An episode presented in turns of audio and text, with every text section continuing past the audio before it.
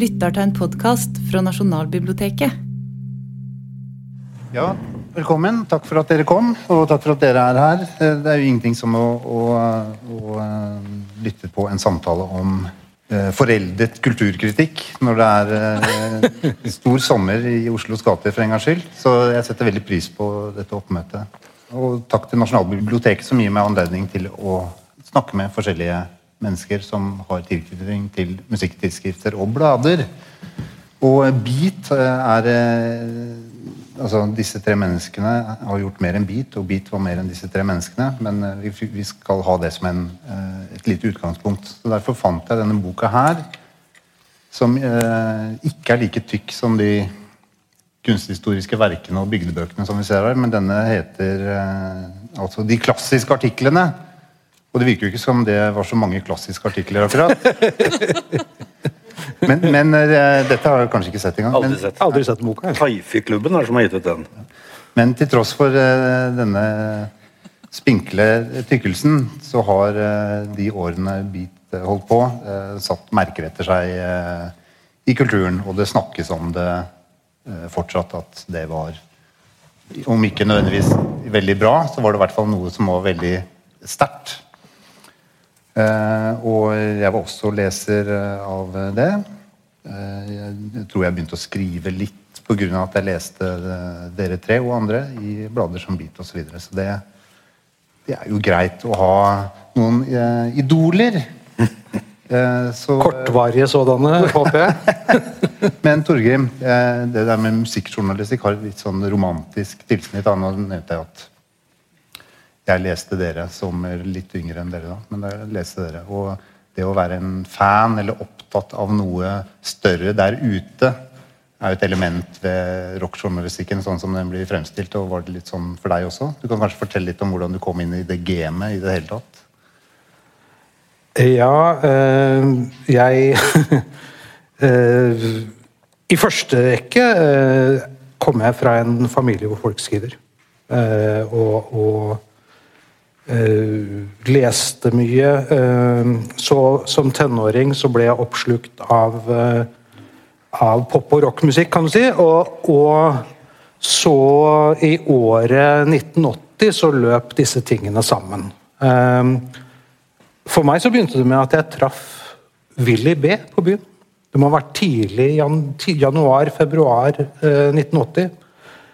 vi kjente hverandre fra, fra forsøksgym. Eh, hadde snakka mye om musikk sammen. og han, eh, jeg, Vi støtte på hverandre. Jeg gikk med en platepose, og Willy skulle selvfølgelig se i plateposen min, det, og der var eh, Innholdet var godkjent.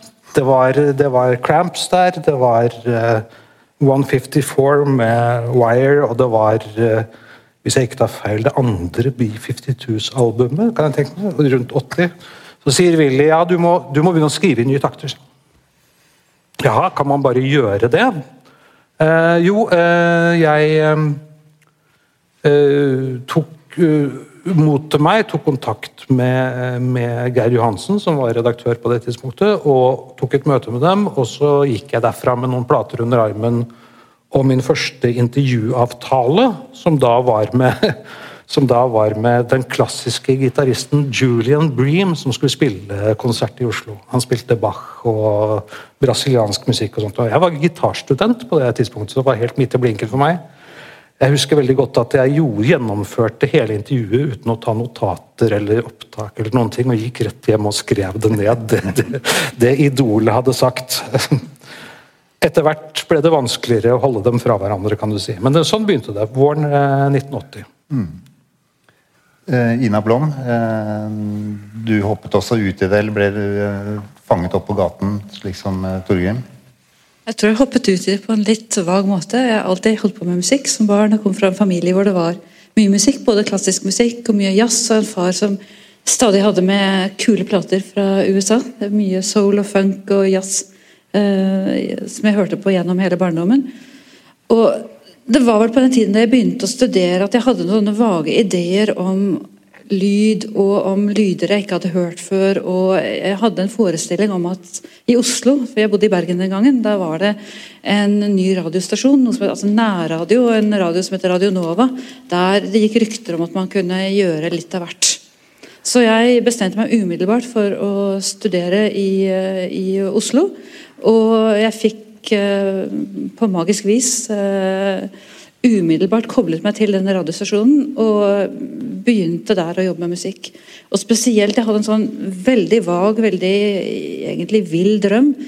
Men det var jo liksom nærradioen den gang. Det måtte kunne gå an å lage en radiostasjon som nesten ikke var prat som bare var musikkmiksing og lydmiksing.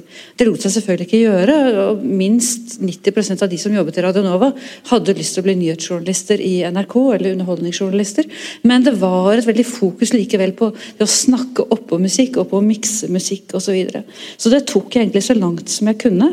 På å lage en del sånne nattsendinger hvor, som egentlig bare besto av musikkmikser, og så lage såkalte soundscapes som bare var rent abstrakte mikser av lyder og ting. Jeg hadde noen venner som vi holdt på med det hele natten og hadde, hadde det kjempegøy. Mm.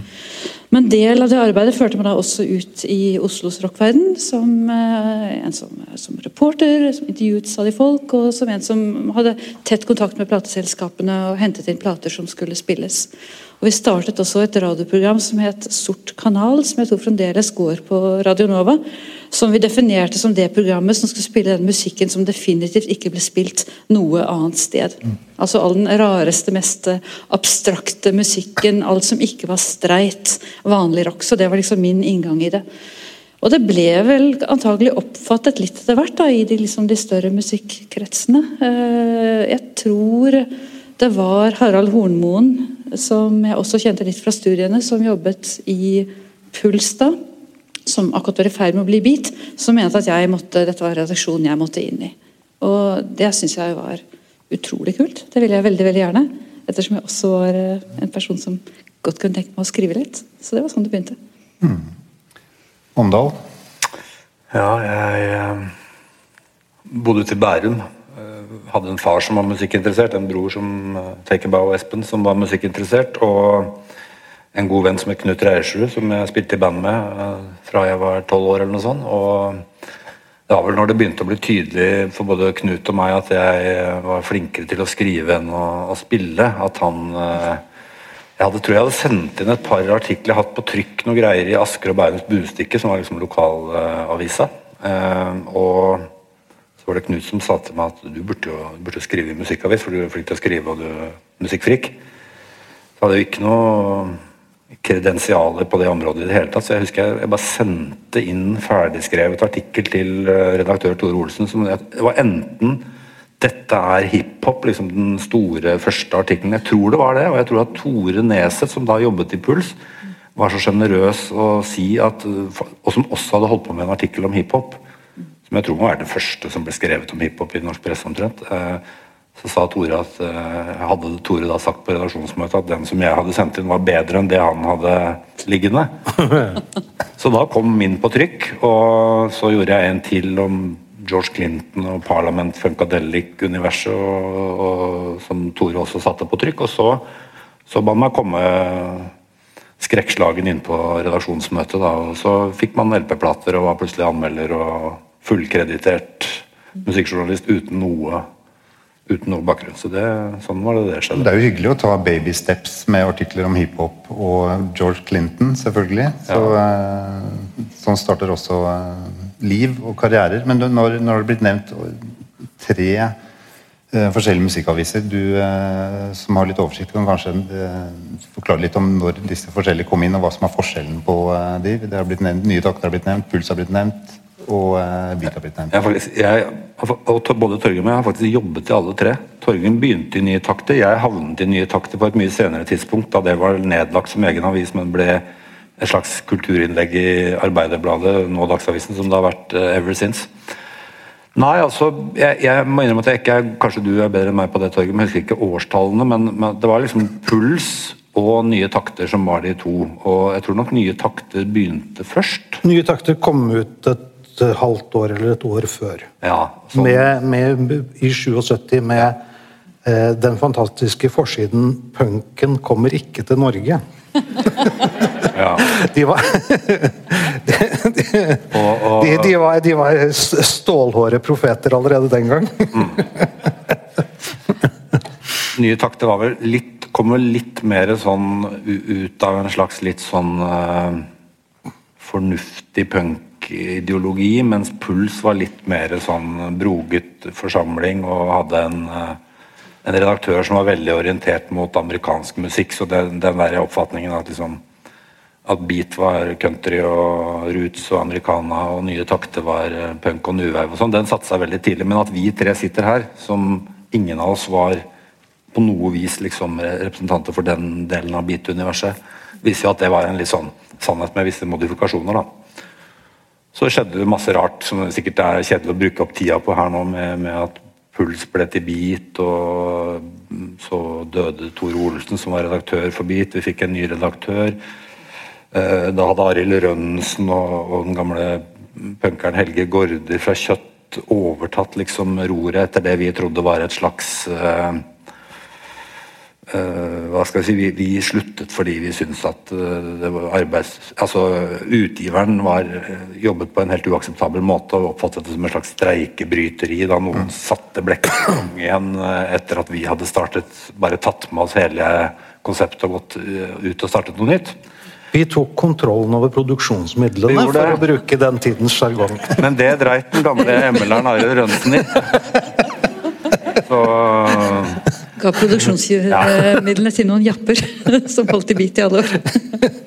Ja, for det er, jo alltid, det er jo alltid noen som må betale for den moroa. Det skjønner man jo etter hvert. Det er jo blitt startet opp mange, ikke bare musikktidsskrifter, men kunsttidsskrifter og litteraturblader og alt mulig. Og det virker jo veldig lovende om man mener ting så sterkt. Og eh, alt er, er, alt er veldig viktig, men på et eller annet tidspunkt så merker man at eh, hvem skal betale lønningene? Og, eh, men jeg antar at dere levde i en drøm uansett at det å få betaling var ikke så nøye. Ja, altså, eh, det var jo sånn at, jo sånn at da jeg, da jeg um, i sin tid gjorde det helt utenkelige, som var å gå fra nye takter til puls det, i 83. Det var, det, det, det, det var eh, litt sånn på kanten ideologisk og alt mulig. Så skyldtes det rett og slett at man da begynte å få betalt. Altså disse 100 kronene per plateanmeldelse. Det, det, jeg var fattig musiker den gangen, så det, det, det betydde alt for meg. altså Å kunne få noen kroner for å skrive et intervju, en plateanmeldelse osv. Eh, Og dette skyldtes at Puls hadde et forlag i ryggen. Så skjønner vi etter hvert at, at vi ble at vi ble kraftig underbetalt for, for, for det vi gjorde, sånn sammenlignet med hva, andre folk fikk for eh, frilansere fikk den gangen. Men så, så kom det jo et underlig tidsskifte på midten av 80-tallet hvor vi plutselig fikk altfor godt betalt for det vi gjorde. Hvor det altså var, var eh, børspyramiden VIP Skandinavia som tok regningen for det vi, for det vi eh, gjorde i Beat. Og da ble vi jo ble vi jo dyktigere til å skrive reiseregninger enn til å skrive bok, eh, plateanmeldelser. Jeg oppfattet det som relativt lukrativt for som student. altså Selvfølgelig ikke noe å leve av i virkelig, men slett ikke verst. altså. Så det var ikke Ja. noen av oss ble også fast ansatt. Ja, jeg var fast ansatt. Vi Ja, var tre redaktører. var. Jeg, jeg, jeg var 24 år og var fast ansatt i musikkavis. og Satt i, i, på sånn advokatkontor nede på Grev Wedels plass med dueblå vegg-til-vegg-tepper og lyddempede dører og sånn der, sånn der rødt og grønt lys utenfor om det var ledig på, på møterommet der jeg hadde kontor. Og så kom det en kar så kom det en kar inn og sjekka stolen din og lurte på om du ville ha en bedre kontorstol. Så sa jeg ja, jeg får prøve den nye stolen, da. Så det var ikke så veldig rocka, for å si det sånn. Jo, men den linken mellom rockeblekker og, og, eh, og penger er jo ikke helt uh, unik, da. Og rock'n'roll, eh, tankegangen er jo også det å tilrane seg midler og, og status, så det er kanskje ikke helt på jordet.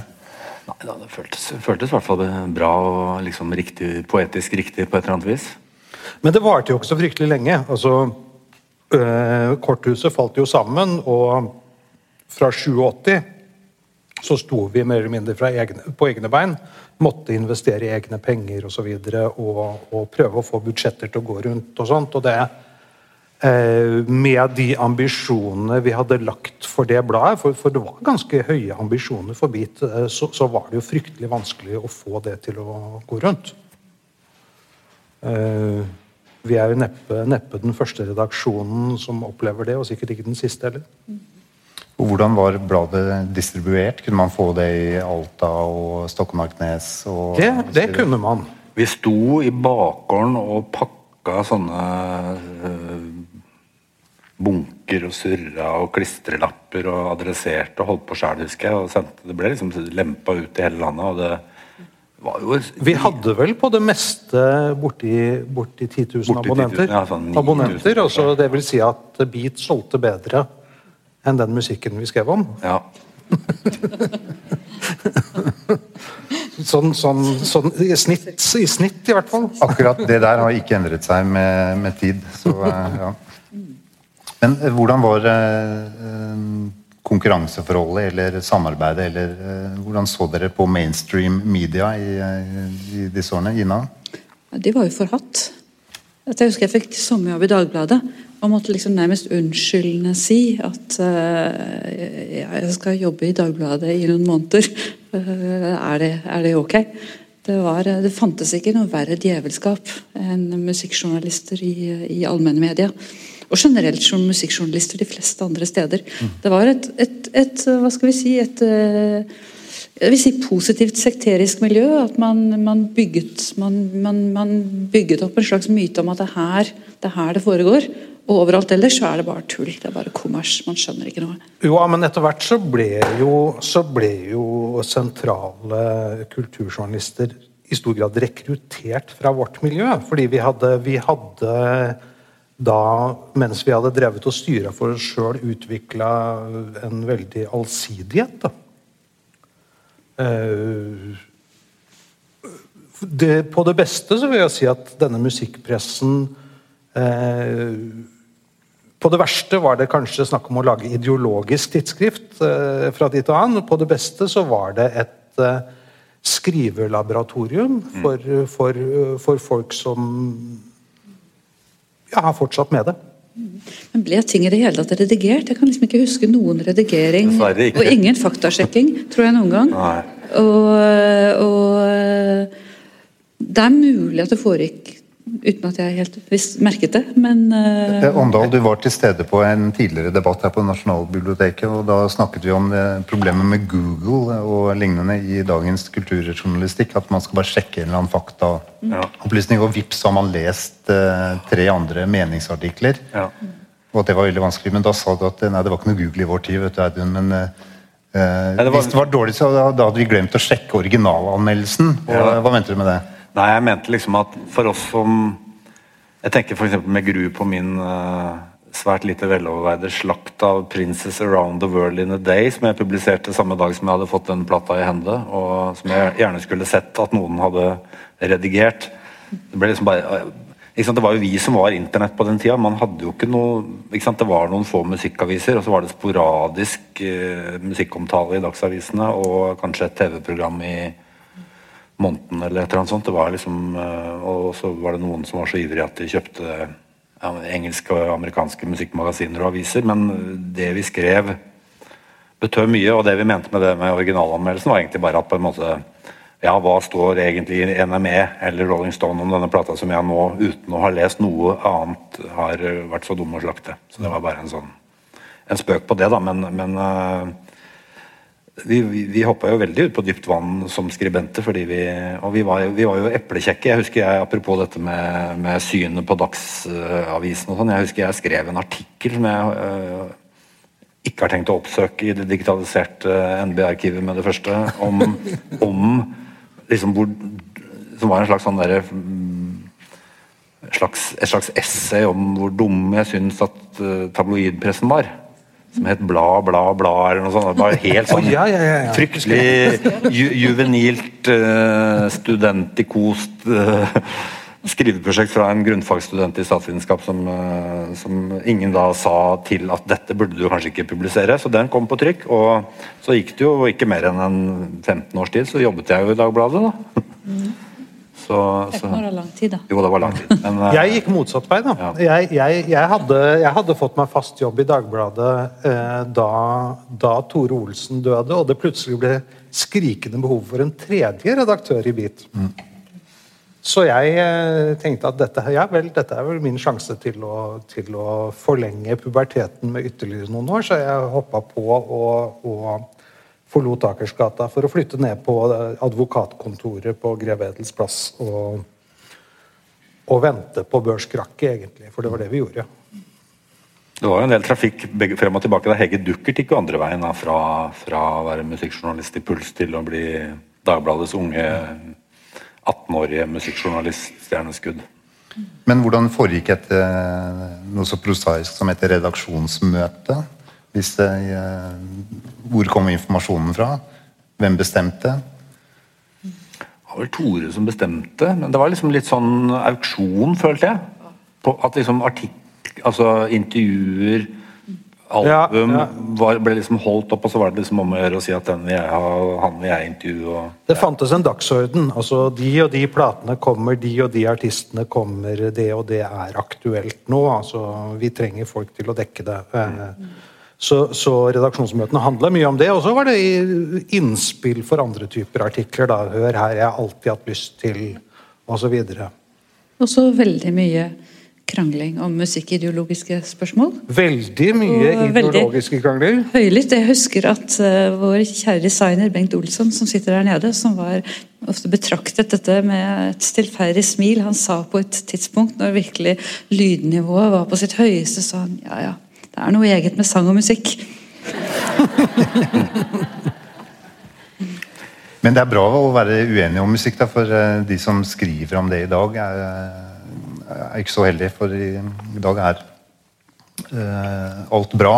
Uh, okay, Det kan være noen variasjoner innenfor sånn kvalitetstenkning på låtnivå, men sånn generelt så er alt like mye verdt. Er det det? Det, det har en del med sånn uh, politisk korrekthet å gjøre. Og eh, frykt for å krenke andre, men også frykt for ikke forstå hva andre føler. Men er, men er det slik at det lages ikke jævlig og forkastelig musikk lenger? Svært lite, tydeligvis. Det gjorde man på 80-tallet. Altså. Det ble laget ufattelig mye jævlig og forkastelig musikk på 80-tallet. Men det virker som om fiendebildene var klarere og sterkere. Man, man slåss mot noe like mye som man kjempet for noe. da. Jeg tenkte litt på det der når jeg gikk hit i dag, fordi ikke sant, vi var jo, jeg var altså da når jeg ble ansatt i Puls, var jeg 24 år. Nå er dere som er toneangivende musikkskribenter, kanskje pluss-minus 40.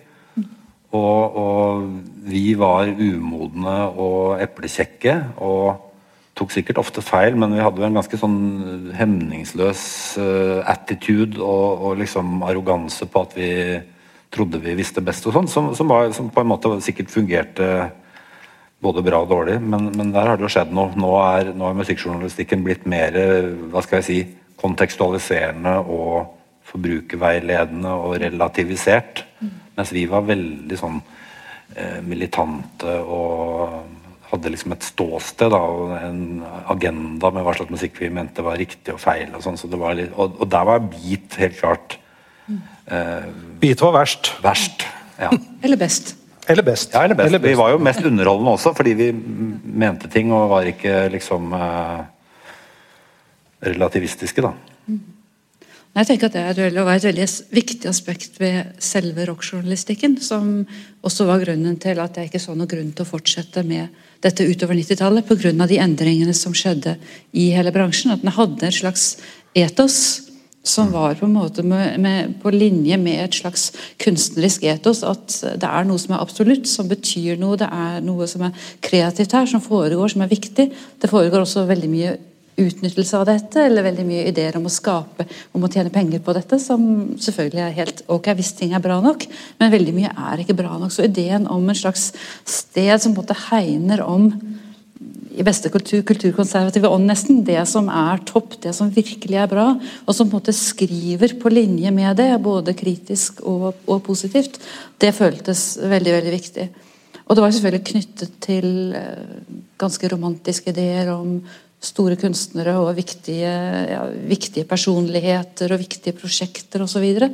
Så, så det som skjedde, opplevde jeg i fall, veldig sterkt på begynnelsen av 90-tallet, var for det første en forandring av musikkbransjen. Altså en omlegging til dansemusikk og tekno, som jeg personlig syntes var veldig viktig, men som jeg syntes var vanskeligere å finne en stemme å skrive om.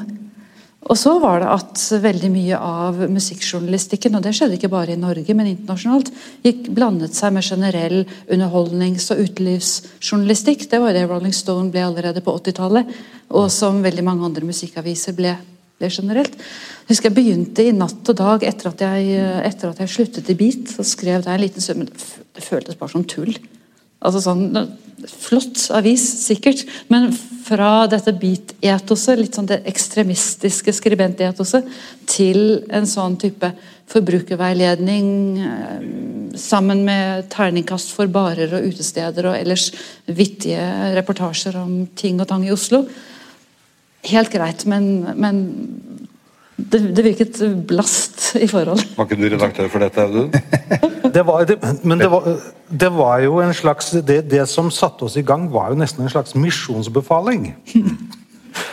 altså at, at her fins en, en, enorm eh, musikalsk rikdom som folk ikke aner noe om, og det er vår jobb nå å, å holde dette frem. Eh, kanskje på bekostning av andre ting. Kanskje på bekostning av det de allerede fikk nok av. Eh, jeg tror, jeg tror, det er veldig viktig for å forstå den rollen som norske musikkaviser spilte tidlig på 80-tallet, eh, var at det, det, var før nærradio. Ikke sant? Det begynte før nærradio. Det var, det var ikke kanaler for å høre denne musikken, så altså man, man begynte egentlig med å lese om den. Mm. Det var slik jeg sjøl uh, sjøl plukka opp ting. Jeg begynte å kjøpe New Musical Express og, og, og Melody Maker og disse sånn rundt 1975. Og, og orienterte meg ut fra hva de skrev, for disse artistene var ikke mulig å høre på norsk radio, og de kom aldri på fjernsyn osv. Var det ett radioprogram i uken eller sånt på NRK? Som... Et radioprogram i uka som jeg alltid gikk glipp av av en eller annen mystisk årsak. Men tror dere at det å ikke ha tilgang til å høre den musikken, men kunne lese om den, at det mm, ga en inspirasjon, eller at det gjorde det nødvendig å prøve å formulere tanker om den musikken? Ja, kanskje til og med å gå så langt som til å skildre musikken for leseren. Eh, fortelle innenfor de, innenfor de veldig ofte begrensede det ofte begrensede språket man hadde, da, og, og formidle hvordan, ja, hvordan låter dette her egentlig? Hva er det som, er det som skiller dette fra, fra, de andre lydene? Mm. Jeg tror det er et annet moment her som også er veldig viktig, og som gjør at rockjournalistikk står i en helt egen klasse som sjanger i forhold til kritikk av klassisk musikk og til dels jazz. jazz. Jeg skal ikke helt si for mye om jazz her, men det er at rock er på en måte en produksjon av masse små sosiale universer. Med egne koder, sosiale koder, stiler. Og Det er ikke nødvendigvis sosiale universer som eksisterer forut for musikken. Det er ikke sånn som folkemusikk som representerer liksom en bestemt populasjon. Det er, eh, Man lager, lager nye si, sosiale fenomener. Så det er ikke bare å skrive om musikk som musikk, det er liksom sånn mikroverdener som man så å si er med på eh, å både å, å beskrive, men også å være med på å skape.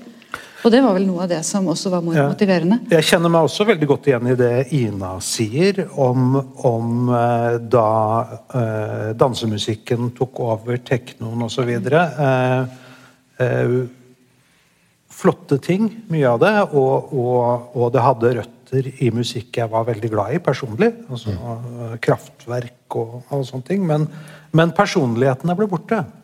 Eh, historiene forsvant.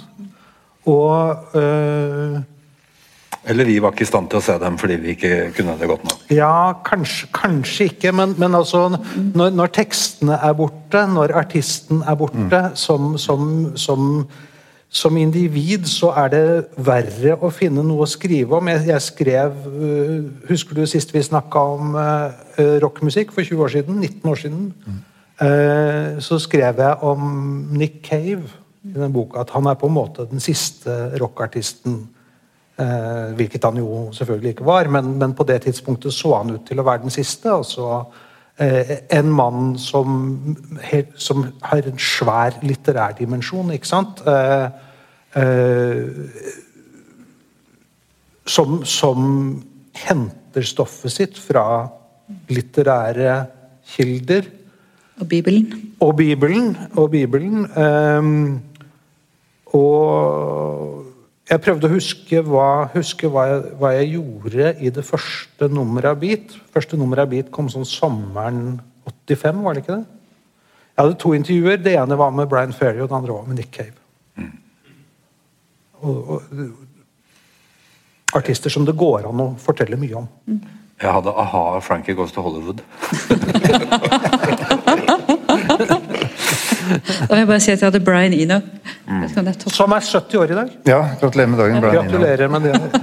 Eno er viktigere, for uh, han er jo også gitt navn til et fremdeles oppegående musikkmagasin på norsk. I hvert fall en bok. Årbok nå. Mm. Årbok, ja. Vet du, året, Månedene går så, flyr så uh, fort forbi at en årlig bok er uh, mer enn tilstrekkelig. Kan jeg si en ting bare i tilknytning til det ja. Ina sa om disse her mikrouniversene? Det var jo også en ting som er litt sånn uh, Sikkert mange her i salen som er gamle nok til, å, til at det er en selvfølge, men, men summen av alle disse mikrouniversene, altså det hele den hva skal vi si, populærmusikkulturen på den tida var jo også så utrolig mye mer hva skal vi si, sentral del av det å danne seg en identitet for et ungt menneske i 1985.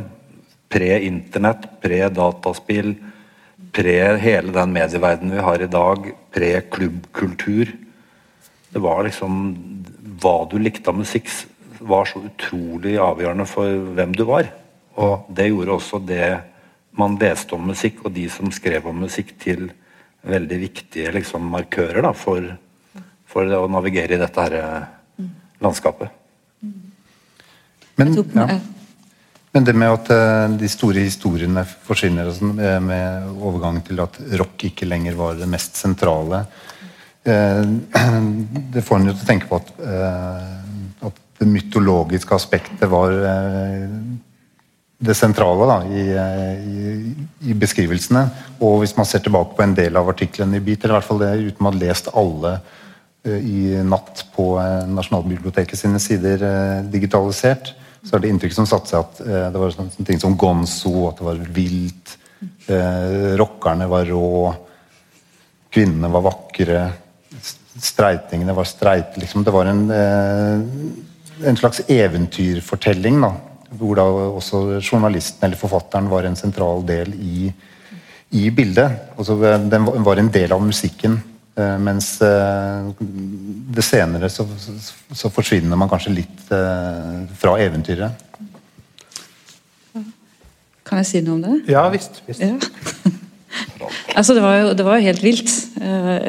Absolutt helt vilt. Det er et, på en måte en sånn sosial sosialt universum som er eh, ja, totalt dinosauraktig i dag. Og hele diskusjonen om street credibility og, og, sånn var jo eh, ganske vanskelig å forholde seg til. Særlig for en som meg, som hadde omtrent ja, like mye street credibility som jeg vet ikke, en T-selskap eller et eller annet sånt. Mm.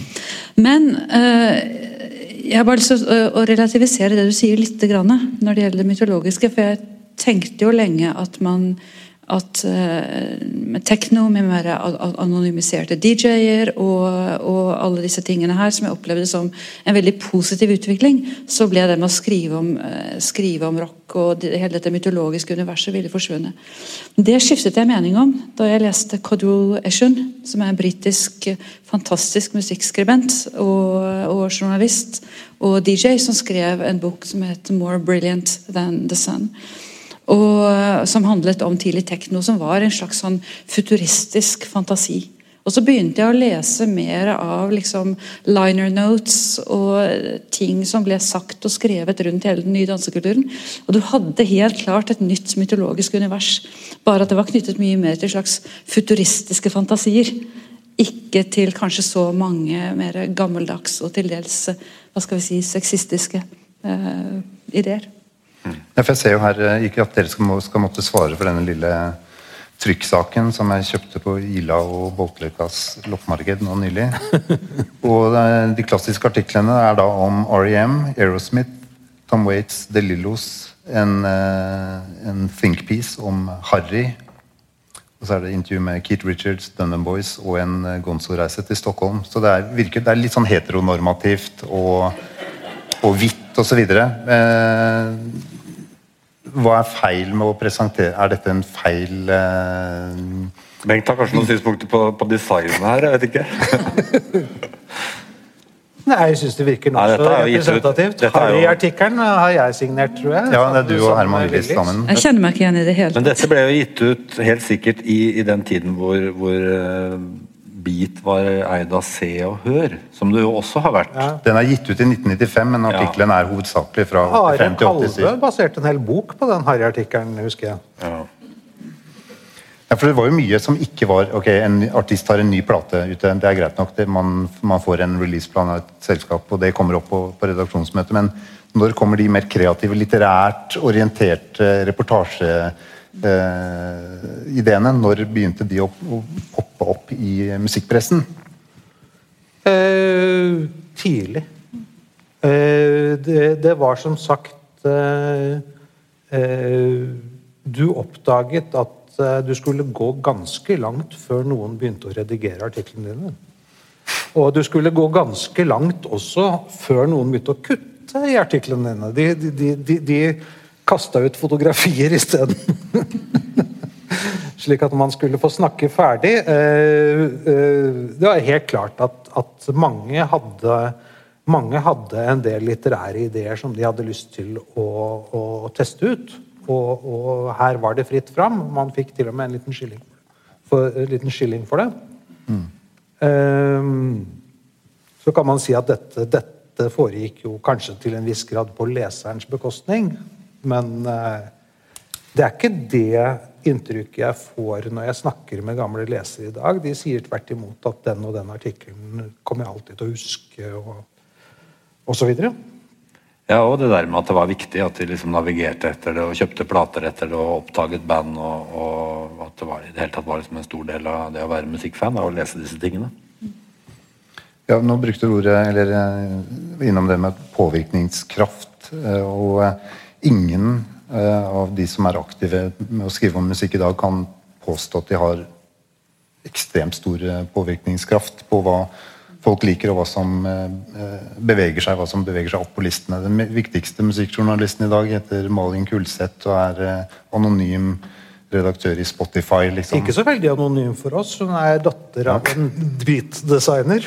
Ja, det å være Å komme med sin smak, da. Og, og Jeg tror jeg har hatt henne på fanget et par ganger. ja. ja. Den aller viktigste er han som skrev noen linjer kode inn i Tidal-appen et eller annet sted. Det er der det skjer. Ja.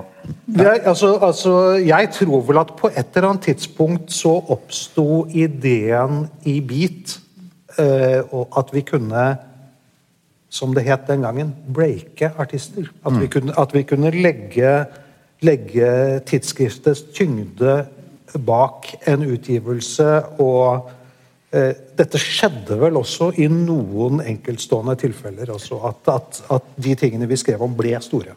Og plateselskapene var jo ganske hysteriske hvis vi ikke stilte oss bak artister som de hadde bestemt seg skulle, skulle Ja, Det var en evig krig med platebransjen. Herregud. Men, Og, de, og platebransjen var da også på en måte eh, fienden. Eh, Både og. Vi var, jo rund, vi var jo på plateselskapene, som det het. Å dra på plateselskapene var liksom en ting.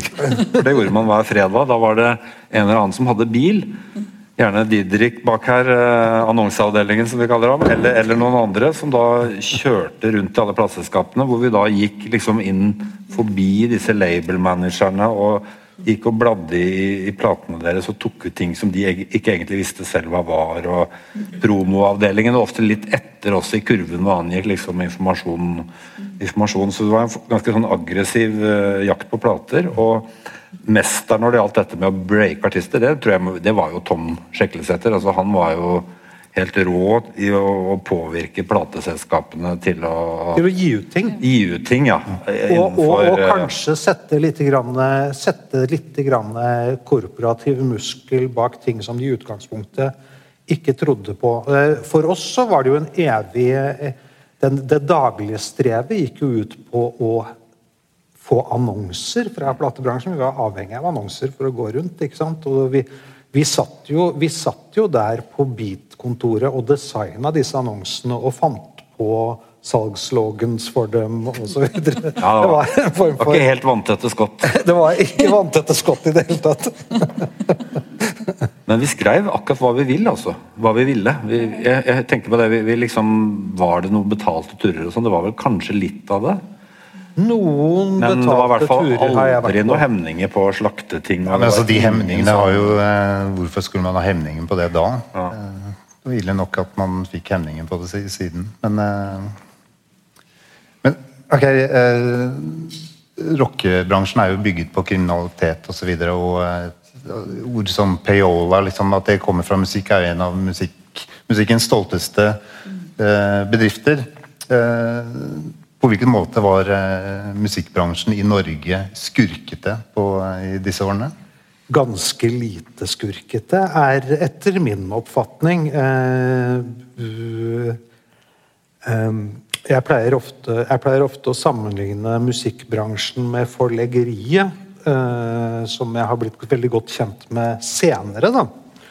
Eh, og si at de er kjeltringer alle sammen. Det er bare det at forbrytelsene for forleggerne ligger lenger tilbake i tid. Em, Nei, jeg opplevde dem ikke som skurker. Altså den, jeg, den, den jeg har eh, kjent best i, på den andre sida av bordet gjennom mange år Han var naboen min da jeg vokste opp. Var Terje Engen i, i Sonett. Og han begynte hos Arne Bendiksen. Eh, gammel ML-er eh, med, med et godt musikkøre og, og, et, og, og nese for hva som kunne slå an. Jeg, jeg, jeg klarte aldri å betrakte han som en skurk, selv om han hadde skurkeoppførsel på linje med en del av de andre i bransjen. Altså, når vi var det at han han så ut som en med hans fantastiske manke. Eller mangel på manke. Ja, eh, Terje Engen vil aldri glemme at jeg sa du ser ut som Brian Eno, sa jeg til han en gang. Det han fortsatt, går han fortsatt rundt og er stolt av.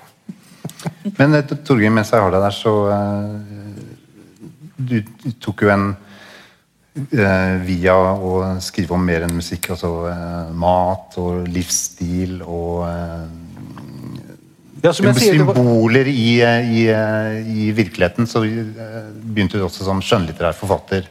Og i hvilken grad er det et kraftig skille mellom de eh, skrivetenkemåtene? Er det sånn at okay, du ble født på ny, og alt annet var sånn barnestreker? Nei, jeg opplever ikke at det er noe kraftig skille. Det er bare at eh, på et tidspunkt sånn rundt 1990 så hadde jeg brukt ti år av livet mitt på disse tingene her og, og tenkte at nok er nok. Så gikk det noen år hvor jeg ikke hørte på musikk i det hele tatt, og så kom det så smått snikende tilbake. Mens jeg drev med helt andre ting. Skrev, så skrev jeg en, en slags rockroman mot slutten av 90-tallet, etter, etter at jeg da hadde hva skal man si, samlet meg opp fra, fra øh, asken da, av, av, av et brent liv, eh, på sett og vis, og begynte å, begynte, å på, begynte å høre forsiktig på musikk igjen. Og da var det helt andre ting. Det var Dylan jeg hørte på. Jeg, hørte på, jeg brukte 90-åra på å høre på Dylan og Zeppelin og Miles Davis og sånne ting. Men apropos Dylan, den eh, romanen du nevnte der, eh, heter jo da 'Den nye Dylan'. Og Ja. eh, de som finner frem den boken enten i bokhylla.no eller på Loppis, eller hvis den blir gitt ut på nytt Den nye Dylan er et rockpressebegrep. Ja. Altså, det var jo det var jo den gang rockpressen oppsto på 60-tallet, så, så var jo det de det var jo det de drev med, å skulle utrope eh, en, en ny Dylan. Eh, Bruce Springsteen ble utropt til den nye Dylan, f.eks. Og den første, den første nye Dylan bor faktisk i Norge. Det er en fyr som heter Eric Anderson. Han var den første, ja, han var den som spilte eh, bokstavelig talt spilte på disse klubbene i The Village uka etter at eh, Dylan hadde reist. da. Det er nesten bedre enn å være verdens eldste mann. Det er å være den første nye dillen. Den første nye dillen, ja. Torgrim, husker jeg riktig at min slakt av Åge Aleksandersens Eldorado ble klippet verbatim inn i den boka som, som liksom slakten av uh, Ja, ja, ja. Jeg gjorde mye sånt. protagonisten? Jeg gjorde mye sånt. Det var mye klipp og lim. Nei, ikke klipp og lim, for jeg måtte altså. skrive Ja, av. du spurte om lov. Ja, for det var jo noe man, Alt måtte jo skrives inn. Tore Olsen satt jo og satte hele bit. Han, han var, hadde jo jobbet i NTB i mange år og var setter, så han, man leverte jo manus eh, som han hadde skrevet på skrivemaskin, og så satt Tore og, og Det var, det var alltid grunn til å frykte de tingene som Tore Olsen skrev tett oppunder deadline, fordi han var så rask på tastaturet at han skrev mye fortere enn han tenkte. og du visste det kom, her kommer det et eller annet. Jeg, jeg leder med tittelen 'Fuck Unni Rustad', husker jeg som et veldig pinlig, Ja. pinlig øyeblikk i Beats eh, historie. Ikke fordi at det var, ikke var gode grunner til å be henne dra til helvete, men det var liksom Men Det var noe med tonen. Ja, Forklar mer om denne maskinen. Der hvor, man, hvor tanken, altså det gikk rett fra tankene og inn i avissidene. Det høres Ja, interessant ut for- for de som er litt yngre. For Tores vedkommende så gjorde det jo det når han skrev, så tror jeg han skrev det rett inn i liksom den derre settemaskinen. Men vi andre Rett sats, ja. Vi andre vi satt jo med først med Jeg husker jeg begynte med sånn der portabel Remington, og så var det liksom IBM kulehodemaskin og sånne ting. Så det ble vel noen datamaskiner, tidlige datamaskiner etter hvert, sånn helt på slutten, seint 80-tall. Noe sånn Apricot og noe sånt som kom før Apple. men eh, i liksom det, vår beat-gullalder så leverte vi manus på papir som Tore Olsen satt om natta og, og, og da tastet inn i, i liksom den der primitive teknologien hvor det da kom ut som sats som da Bengt satt og klippet og limte og lettrasettet med fonter og bilder og det var, var ganske old school opplegg, ja. Vi føler oss gamle nå, men sånn var det. Ja, det er hyggelig å snakke om gammel, Jeg husker en, gammel, kan jeg gammel fortelle en, en, en morsom historie. En gang så mistet Så ble hele Beat stjålet. Prince-coveret. Ja, De hadde laget Beat, og da fantes det jo bare ett Beat, og det var liksom satsen. Det var ikke liksom da bare en fil som man kunne hente ut en gang til. Og så, og så lå dette da i postkassa og skulle hentes av bud på setteriet og kjøres til trykkeriet. Og så ble det av en eller annen grunn, kanskje bare noen i fylla om natta, ble det der, hele denne konvolutten ble stjålet. Så da måtte vi alle mann inn og skrive hele bit på nytt. Det ble en veldig hektisk weekend, husker jeg. Er Bare memory. Ja, det var I de årene der ble, må heller ikke glemme, apropos eh, norsk pophistorie, så eh, ble mastertapene til den nye plata til One Too Many, eh, bandet til Dag Colser, ble også stjålet fra, fra en bil. Så det var, det var en greie i den, i den tiden der. Ja. Men Ina, eh, du må nesten også få det spørsmålet jeg stilte til Torgrim om eh, øh, om du følte at det ble sånn Det å skrive om noe annet, det å skrive om musikk og det å skrive om noe annet er separate verdener. Eh, Om du liksom ble voksen eller mer lærd. Eh, Du lar liksom den pennen fra deg. Egentlig ikke, fordi eh, da jeg bestemte meg for å Jeg studerte jo litt uengasjert egentlig hele tiden mens jeg, mens jeg holdt på med beat. Men eh, det var ikke veldig eh, spennende på universitetet da, sånn jeg oppfattet det. Det foregikk mer spennende ting i miljøene rundt, egentlig.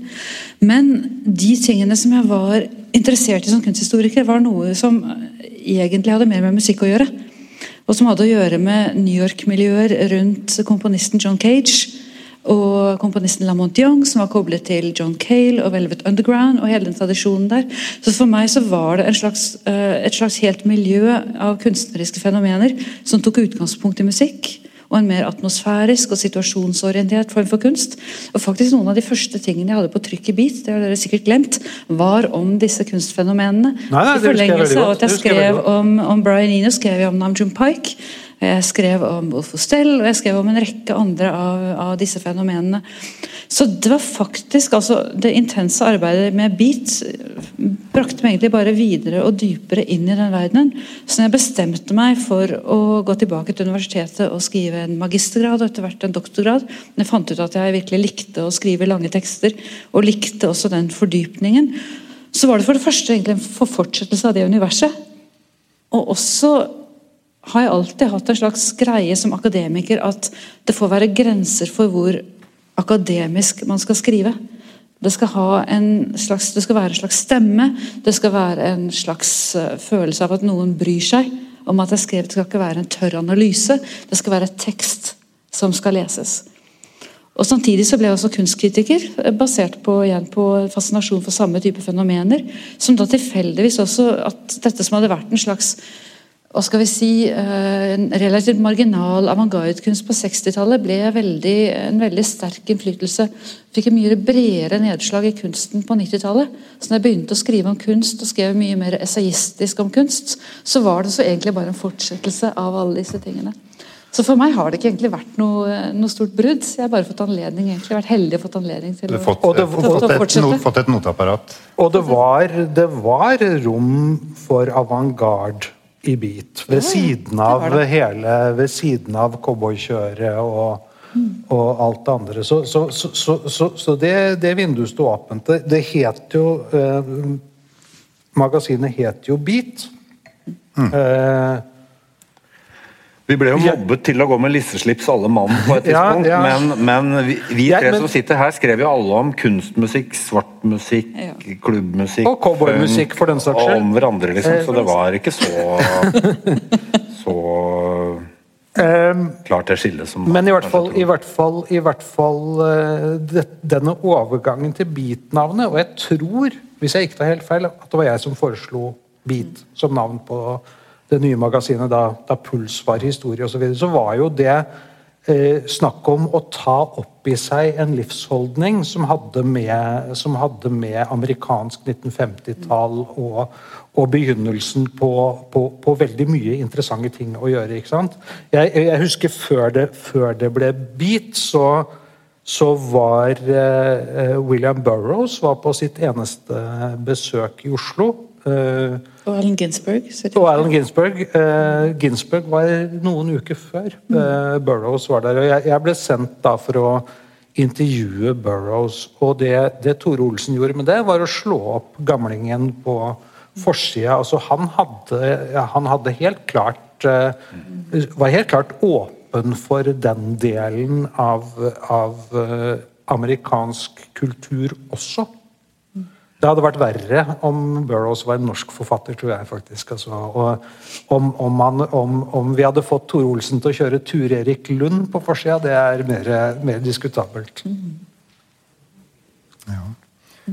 Men uh, med den cowboy- og lisseslippsamlenhet er også det en, en gjengående klisjébilde. Men også det at man var tøff eller farlig. Da. Uh, og det fortsatte jo du med Torgrim, senere. Altså, jeg begynte å jobbe i Natt og Dag da du sluttet. Men da husker jeg at jeg leste i det nummeret at når Eggen har hatten på ute på byen, da er Oslo utrygg.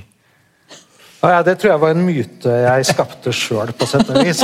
Men var det viktig men var det, var det viktig å være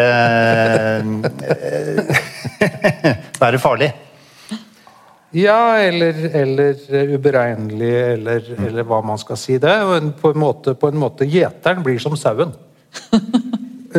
vi, vi, vi henta nok eh, en del fra disse artistene som vi skrev om. og, og jeg hadde for, for, min del, for egen del også bakgrunn som artist. Jeg hadde jo mm. vært uh, nyveivmusiker og reist land og strand rundt og gått rundt og sett farlig ut på de merkeligste steder. Eh, og fortsatte på sett og vis med det i Oslo. Um, jeg vet ikke eh, Dette med, dette med cowboydirektivet, som vi fleip, kalte det litt fleipende vi, Da er vi i, i kanskje Beats to-tre siste år, altså hvor, hvor, dette blir veldig tydelig. Hvor vi drar på disse her turene til Texas og, og sånn. Og, og, og så, blir vi, så blir vel altså da redaksjonsmedlemmene etter hvert har fotografert, eh, foreviget av Raymond Musken i cowboyutstyr, og så blir disse bildene publisert i, i, i, i bladet og sånne ting. Jeg, eh, jeg tenker at det, det, det var, det som lå i det, var, var, at det var oppstått en veldig stagnasjon i europeisk popmusikk da, på slutten av uh, 1980-tallet. Det var ikke så mye mer å hente. Det, det, handla, det handla jævlig mye om frisyrer og og oppositurer. Eh, og mindre om interessante ideer. og det, da eh, Alternativet var amerikansk. Det kom flere interessante eh, artister fra USA på det tidspunktet enn enn fra Europa. Du snakker om begynnelsen av 1980-tallet som the second British innovation i, i amerikansk kultur. Hvor de, kommer, hvor, de kommer, over fra fra Clash til Boy George egentlig eh, overstrømmer amerikansk kulturliv i noen år, og så snur dette her, på sett og vis. Mm. Men nå må du eh, sette ting på plass, eh, Ina Blom. Ja, jeg er helt nødt til å sette ting veldig på plass her. Neida. Det er vel her eh, vi kan se konturene av et slags skisma i bit som jeg tror ble avgjørende også for Unnskyld meg. Vi ser konturene av et skisma i bit som kanskje ble avgjørende for, for historien. altså Beat solidifiserte seg som et slags amerikanablad etter hvert. Uh, gitt, eller ut ifra denne ideen om at det skjedde ikke så veldig mye annet. Men det var vi jo litt uenige om. For det var jo en del av oss som var opptatt av de første spede begynnelsene på techno, på industrial music, på housemusikk som virkelig begynte å komme. Og det var ikke sånn at det var dødt der, men da hadde på en måte store deler av redaksjonen eh, så mye investert i, i, i, hele det amerikanske. Og som selvfølgelig er flott musikk for de som er opptatt av den slags. Og, og, og, og masse å hente der. Men mer og mer så tror jeg faktisk at eh, Beat foretok noen valg som var uheldige for, eh, for, si, også for markeds, markedsmulighetene til bladet. Fordi det var faktisk sånn at et, et yngre publikum, et nyere publikum, så i andre retninger. Så vi jobbet ikke med å utvikle oss mot et nytt, eh, mot et nytt publikum. Ja. Altså jeg sluttet i 88, og det var jo fordi jeg, jeg, Ikke fordi jeg ikke ville være med til Texas, men jeg var aldri med til Texas. Men det var vel litt fordi jeg følte at uh, Du sto ut på Fornebu der du sa 'jeg blir'. Jeg. jeg blir, ja. Nei, men det var vel litt fordi jeg Nei, følte at det ble mye kjeft å få i disse diskusjonene om hva som var riktig og feil musikk. Og gikk litt trøtt av det, rett og slett. og, og og, og, da ble det på en måte fristende å, skrive musikk noen andre steder etter hvert. da. Men, men uh, Beat-redaksjonen var jo egentlig, når man tenker tilbake og begynner å se for seg disse ansiktene, så var vi jo også helt på slutten en veldig sånn heterogen gjeng. Det var uh, mange slags musikksyn og skribenttyper i redaksjonen. Men det var på en måte en, en, en, en uh, kraft mot dette amerikanske Den nye amerikanske rockbølgen som liksom på en måte ble, ble dominerende liksom i linja, da, kan du si. Så det lignet jo litt på et politisk parti der noen ganger, den, uh, den redaksjonen. Og også de redaksjonsmøtene lignet litt på, på møter i, en, i, et politisk parti eller en, en, en religiøs bevegelse. Religiøs sekt. ja. Eh, men det var hele tiden motstrømninger. altså Ina var jo i den unike situasjonen at hun behersket fransk. sånn at vi fikk jo faktisk, faktisk da intervjuer og noen av de første ordentlige artiklene om afrikansk musikk. Både Ina og Katarina Jacobsen gjorde masse intervjuer på fransk. Sto i beat. Jeg kan jo huske at det siste, det siste beat som kom ut i, i uh, tabloidform da hadde vi vel hver vår story eh, på forsiden. Altså to hiphop-artikler. En om EPMD og en om Public Enemy. Altså det, det, var, det, var, ingen som hadde skrevet om Public Enemy i norsk presse før det. Mm. Og IPMD er fremdeles fantastiske. Men det var jo et, et interessant paradoks at, at Beat la seg så tungt på det amerikanske på et tidspunkt hvor det som skjedde ellers i verden, var en fullstendig åpning eller globalisering av popkulturen. Og hvor du kunne reise, sånn som jeg gjorde, i eh, Vest-Afrika takket være disse franske kontaktene, og se på en måte de samme motsetningene og de samme type miljøene, men med litt, litt andre valører. Eh, men en slags ny global popkultur eh, som, som oppsto der. En urban musikk, en elektrisk og til dels elektronisk musikk. Og en musikk som skapte nye sånne mikrososiale miljøer. Altså ikke folkemusikk, men, men sånn en, en, slags ny replika av popkultur, men da som en ny, nytt sosialt innhold. Og det var uh, superinteressant. Og jeg syns jo det var på en måte det var noe paradoksalt og så trist ved hvordan mye av det materialet ble behandlet i den større offentligheten på det tidspunktet. fordi at det var en slags sånn, altså Det er sånn utrolig at NRK fremdeles har et program som heter Jungeltelegrafen Altså Som reduserer hele denne musikken til en slags sånn eh, rasistisk stereotypi om en slags primitiv kultur eh, langt inn i skogen, mens det var en, eh, et urbant fenomen. Og det er også skrevet veldig mye om som en slags sånn lykkelige mennesker som hopper og danser og er glade. Mens det var jo en en, en, en pop- og rockkultur full av attitude og full av urbane eh, sensibiliteter og kreativitet. Til forsvar for uh, Jungeltelegrafen så har da Arne Berg, som er en av uh, programlederne der, også gått uh, ut mot den eksotifiseringen av uh, musikk, og også uh, gått kraftig ut mot dette world music-begrepet. Men hvis man skal begynne å tenke, eh, hvis du har lyst til å gå den eh, løypa, så tror jeg eh, Der er, der er, det, der er det noen forbrytelser i, i, i, i Beats karriere også. Du får lese litt høyt, Audun. det var faktisk noe jeg så på trikken som ikke var helt heldig, men det var jo, det var intervju med Keith Richards. Det er veldig rocka. Altså, som Sindre Kartvedt Keith Richard, Nei, altså Sindre Kartvedt sitt, ja. Men det er ikke verst å få et intervju i et norsk blad med Keith Richards, verdens største rockestjerne noensinne. Nei, men de delte vel en flaske Rebel Yell, og det var liksom litt sånn Litt sånn De skjena vel ut fra intervjuet, begge to. Ja, Apropos det, eh, jeg skal ikke plage folk med sånn, å gå tilbake til, for det var det vi gjorde forrige gang i intervjuet deg om rockjournalistikk for 19 år siden. Da startet vi stadig på nytt, fordi universet starter alltid på nytt, slik vi vet.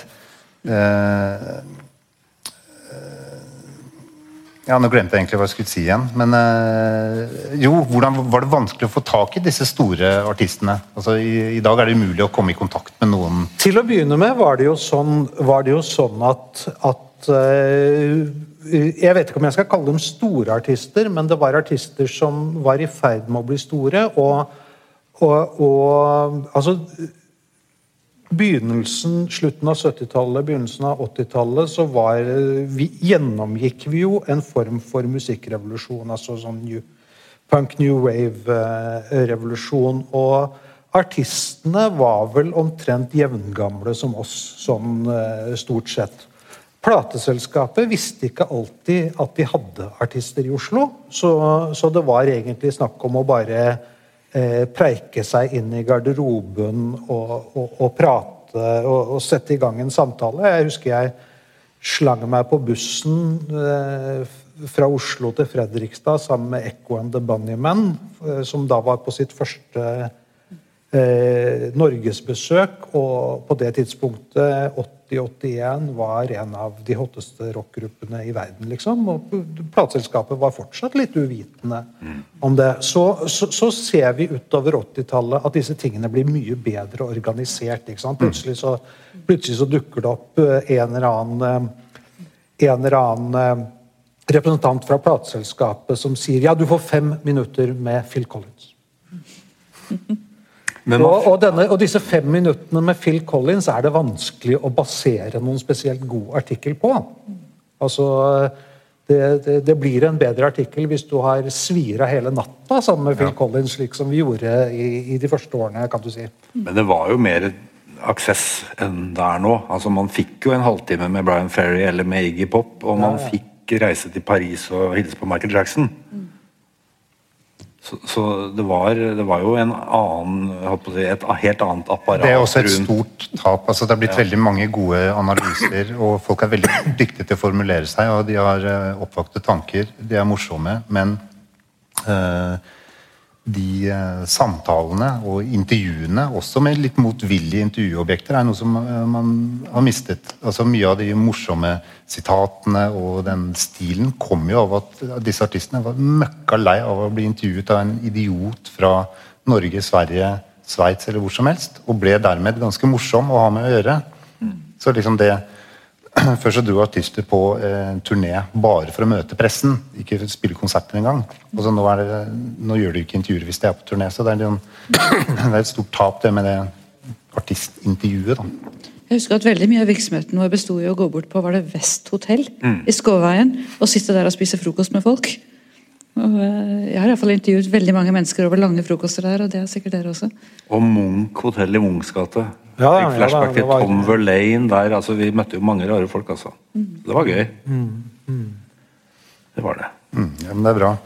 Men etter å ha sittet og snakket om dette om bit i en time, og eh, all eh, alle ting som virker flyktig der og da, eh, kan bli viktigere med tid. Og eh, i, en, i forlagsbransjen og norsk kulturhistorie så har man blitt mye flinkere til å ta tak i i ting i den nære fortiden da, og behandle det seriøst. Eh, så tror du det er rom for å Altså ikke, jeg sier ikke at jeg skal gjøre det, men at noen andre skal gjøre det. Og eh, er dette en epoke som er verdt å undersøke? Eh, du er jo godt kjent i sakprosafeltet, Torgrim. Så denne tiden, er det, er det en liten kulturhistorie i seg selv? Kanskje. Det er noe i hvert fall, tror jeg, i hvert fall det er rom for en bedre antologi enn den du sitter med der. Kanskje illustrert også. Eh, Det vi, det vi hele tiden har underslått her, var at eh, beat også var et beat eh, og puls også, for den saks skyld, og nye takter, var også et eh, laboratorium for fotografer. Eh, hvorav noen av de fremste kunstfotografene vi har i Norge i dag, de begynte å ta bilder for eh, nettopp disse bladene. Og det henger sammen med at, at eh, slik vi var Slik vi ikke hadde radio, så var vi også sultefora på bilder av disse, av, disse artistene, faktisk. De, det, var, det var musikkavisene som, som presenterte dem visuelt for aller første gang. Hvis vi, hvis vi går så langt tilbake som før MTV og, osv. så. Eh, så vi hadde liksom bukta av begge endene, vi der. Vi hadde den, vi hadde den visuelle presentasjonen, og vi hadde det eh, Hva skal vi si Det vi gjorde med, med vår, våre språklige virkemidler. da. Jeg kom også her om dagen jeg intervjuet eh, Steffen Kverneland, som eh, har blitt en eh, kjent Munch-biograf og fikk pris som Steffen er fortsatt sur for han ikke fikk pengene sine. Ja, han snakket mye om det. for Å flytte inn fra der han kom fra og inn til byen. Det var, det var veldig stort. Han hadde jo da en tegneserie i, Beat om en karakter som er skrevet ut av historien om Steffen Kverneland og hans eh, eh, Reinert. Reinert, ja. Reinert som hadde, som hadde et kjærlighetsforhold med Sissel Kyrkjebø. Så det må med i den eh, cocktailboka. Ja, gang. saken, er den at, saken er at Steffen er spesielt sur for at noen av de Reinert-originalene er borte. altså Det var folk som nappa med seg dem da, da Beat eh, ble lagt ned for godt. Eller, eller på et eller annet flyttetidspunkt. Han er sur for det, og han fikk ikke alltid pengene sine. Jeg, jeg, jeg føler meg veldig skyldig, men jeg, sier, jeg sier til Steffen at det må vel være en eller annen form for foreldelse på det også. Jo, men med å kaste originalkunst det er greit. Det, er, Nei, jeg tror ikke noen kasta originalkunst. Det tror jeg ikke noen gjorde. Jeg tror det er noen som sitter på disse tingene og har kanskje forhåpentligvis rammet dem inn og hengt dem på toalettet, der Reinert på sett og vis hører hjemme. Etter et stort intervju med Bjarne Melgaard i Natt og Dag, da jeg jobbet der eh, tidlig, nei, sent 90-tall, eh, eller tidlig 2000-tall, så eh, hvordan han da nettopp da lagde mye originalkunst, og han malte opp alle bildene oppe på sånne transparenter. Og da man endelig var ferdig med den jævla deadline, og det hadde gått to dager over tiden, drukket masse kaffe, og det var rot overalt, og alle var slitne, så var det da den, den daværende redaksjonssekretæren tenkte at nå må vi rydde opp sånn at det blir ordentlig fint der til eh, mandag. Så da ble alle de eh, Bjarne Melgaard-verkene eh, kasta. Så sånn, sånn så dette, dette fortsetter antakeligvis eh, bare det. Men du, nå er tiden i ferd med å gå fra oss. Vi har allerede funnet ut at noen må lage en, eh, en større analytisk coffeetable-bok om Beats historie. Vi har fått høre litt om deler av historien av eh, dere tre. Det var veldig ålreit å høre, høre, på dere. Til høsten så, eh, så blir mer musikk her på Nasjonalbiblioteket, så vidt jeg har skjønt. Og eh, både Sjeklesæter og andre vil nok dukke opp på denne scenen. Så oh. da er det bare å pusse slipsene og, og møte opp i, i, i, publikum. Og eventuelt uh, være møteplager og si at vi skrev bare om Brian Eno. Ja. Så uh, Torgeir Meggen, Ina Blom og Jan Omdal, tusen takk for at dere kom, og takk for at dere var og hørte takk. på. Tusen takk.